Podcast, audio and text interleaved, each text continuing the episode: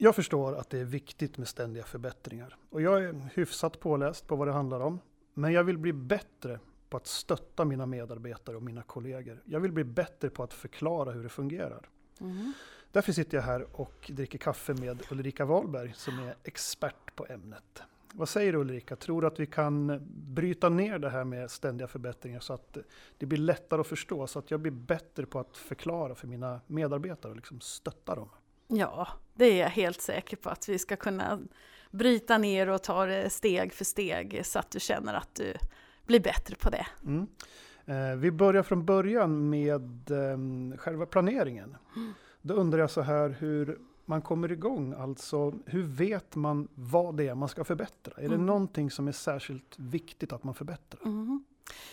Ja, alltså vi ska ju förbättra för våra kunder och få en bättre resultat och så, men det är viktigt att, man, att det är känt på arbetsplatsen när jag har förbättringsförslag, så att jag som medarbetare vet var tar jag upp dem mm. någonstans. Mm. Så att det inte stannar vid en bra idé vid ett fikabord eller en dialog med en kollega över arbetsbordet eller så.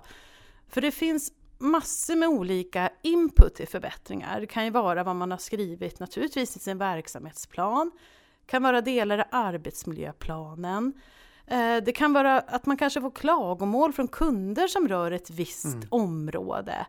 Och sen naturligtvis alla medarbetare som jobbar operativt nära det dagliga arbetet och möter våra kunder som har massor med förslag till förbättringar. Och då måste de veta, hur gör jag då mm. på vårt jobb när jag har idéer? Just det. Så det kan vara saker som är, ja, de är ganska uppenbara, det är saker som finns där rakt framför oss. Liksom. Ja, mm. ja. Eh, jag har förstått att när man ska jobba med förbättringar så måste man ha ett problem. Mm. Alltså att eh, de här förbättringsförslagen, de här idéerna som kommer mm. in, att de ska formuleras som problem. Mm. Eh, och då ser jag framför mig hur mina medarbetare kommer till mig och säger att vad är poängen med det? Jag menar, vi har en lista med idéer, varför mm. kan vi inte bara köra? Mm. Ja, alltså det är ju så, vad är en förbättring behöver man ju tänka först. Och en förbättring är ett löst problem. Alltså vad, vad, är det idag i vår verksamhet som inte fungerar, som behöver bli bättre? Mm. Och det finns olika tekniker och verktyg som man kan ta del av via Kompetenslyftet eller information på vis om hur man kan göra en förbättring till ett problem. Mm. För det finns, om man inte gör det, så finns det en stor risk i att vi går direkt på en lösning som inte liksom är själva roten till varför problemet har uppstått. Mm. Så då kan vi jobba vidare med, med ett förbättringsförslag som egentligen inte löser ut det vi, problemet vi hade. Ja, ja det, och det kan, det kan man ju säga, det, det är en risk liksom att, eh, att det, det, känns som ett, ett onödigt steg att man hoppar över problemformuleringen och och då får det de konsekvenser ja, du nämner. Ja. Just det. Eh, så att man kan säga så här då att problemformuleringen det hjälper oss att fokusera på det som verkligen är målet så vi inte missar det. Helt rätt, mm. helt rätt.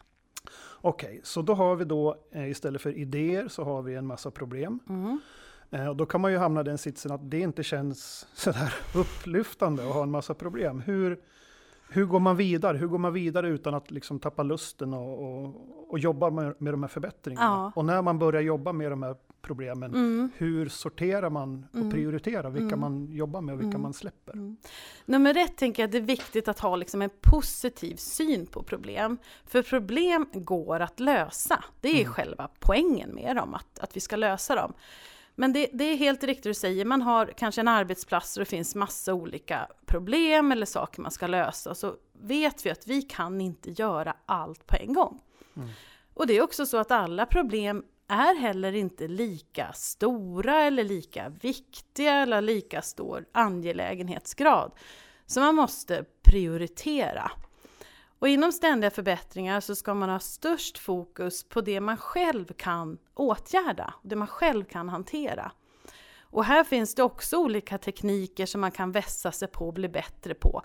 Det finns ett, ett verktyg som heter prioriteringsmatris som är, har blivit väldigt omtyckt av de som har jobbat med det. Mm. Eh, för det just hjälper till arbetslaget att liksom se vad, vilka problem har vi mandat att lösa ut? Vilka problem har en stor angelägenhetsgrad? Sen kan det ju vara också så att man hittar viktiga och angelägna problem som har en rejäl liksom, tyngd i hur vi kan nå våra resultat och så, men vi rår inte själva på dem. Nej. Då är det chefens ansvar att lyfta det till sin ledningsgrupp. Det ska alltså vandra i linjen. För det ska upp en nivå? Ja, mm. ja. För vi ska, vi ska lägga vårt största fokus och engagemang på saker vi själva kan lösa ut. Det, det säger ju motivationshöjande att lägga fokus på, mm. på rätt saker. Fokus på det vi kan påverka själva. Ja. Um, Okej, okay, så vi fokuserar på rätt saker och sen, vad är nästa steg? Ja, alltså om vi har kommit till det läget nu att vi har ett problem, vi har prioriterat, vi vet vilka problem vi ska välja att jobba med, så det är också viktigt att man återkopplar till alla personer som har kommit in med förbättringsförslag. Mm. Och det är viktigt att man på arbetsplatsen hittar en systematik i det så att det blir gjort. För att om man, om man har liksom en, en förslag på hur man kan förbättra verksamheten och så lämnar jag de förslagen och så blir det helt tyst. Mm. Då slutar jag att lämna nya förbättringsförslag. För vad är det för mening med det egentligen? Ja, så återkopplingen är, det är som ett sätt att garantera att idékläckandet inte avstannar, att man ja. motiverar till fortsatt ja, delaktighet precis, precis. Och har man dessutom då haft varit delaktig, i alla fall vet hur problemen har prioriterats, så har jag en större förståelse varför man kanske valde min, mitt problem eller det förslag jag hade, eller varför man inte gjorde det. Mm, Men det viktigaste är att man får återkoppling. Ja, för det kan ju vara så att, att den, den, den, återkoppling man får, det kan ju vara som du säger nu, en negativ återkoppling. Vi, var, vi valde bort ditt förslag, men då får man ja. veta varför. Varför gjorde man det? Ja. Mm. Och det, det, är det, det är det viktigaste, mm. att man får veta. Yes. Sen är det ju så också att man ska skriva ner en, en, en plan för mm. sin, sina förbättringar, hur man arbetar med det. Mm. Och då säger vi så här att då kommer en medarbetare som tycker att eh, det där är ju att överarbeta det hela. Ja. Eh, hur bemöter jag ett sånt, ja. sånt argument? Ja. Nej, ibland kan jag också få det, ska vi skriva en plan till? Kan mm. vi inte bara liksom börja? Men jag svarar faktiskt nej på den frågan. Vi kan inte bara börja. För att en plan ska göras så enkel som den kan. Men det måste, man måste komma överens om vad är det vi ska göra? Vad är problemet? Vad är vårt mål? Vilka aktiviteter ska vi genomföra för att vi ska lösa ut det här problemet? Mm. Och vem ska göra det och när ska det vara klart? För jag, jag, tror att, att många känner igen sig, i alla fall har det varit så för mig vid flera tillfällen, att man drar igång saker och sen rinner det ut i sanden och det var otydligt. Vad skulle ja. vi göra egentligen? När skulle vi vara klara? Mm. Så liksom, vad ska göras av vem och när? Mm. Tänk enkelhet och, och göra en plan som inte är för komplicerad. Yes. Okej, okay, så då har vi klart för oss vad, eh, vad problemet är och vi har en bild av vad vi vill åstadkomma och vi vet vem som ska göra vad och mm. när det ska vara klart. Mm. Um, vad händer sen? Mm.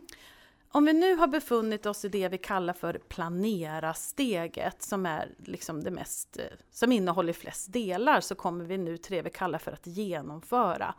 Och då ska vi fokusera på att, att göra det vi har sagt i vår plan att vi ska göra. Mm. Eh, och det ska vara vårt huvudfokus och då ska vi naturligtvis försökt att gjort en så realistisk tidsplan och aktivitetsplan som möjligt. Så gör det ni har sagt att ni ska göra. Det, det är liksom huvudfokus här. Mm. Om vi säger så här då, det, det, det, blev inte som vi, vi tänkte oss. Mm. Eh, det här som vi hade planerat, då, det, det var inte så lätt att genomföra Nej. som vi trodde. Faller hela, faller allting då? Nej, det faller inte. Eh, man behöver, vi kallar för att man behöver hantera sina avvikelser från den plan man har lagt. För naturligtvis kan det vara så i vardagen att eh, personer kanske inte har möjlighet av olika anledningar. Målgruppen var inte den vi trodde den skulle vara, så vi mm. kan ha gjort saker. Vi måste, men vi måste hantera det.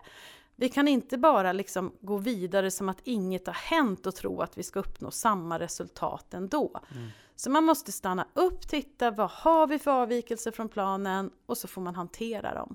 Just det.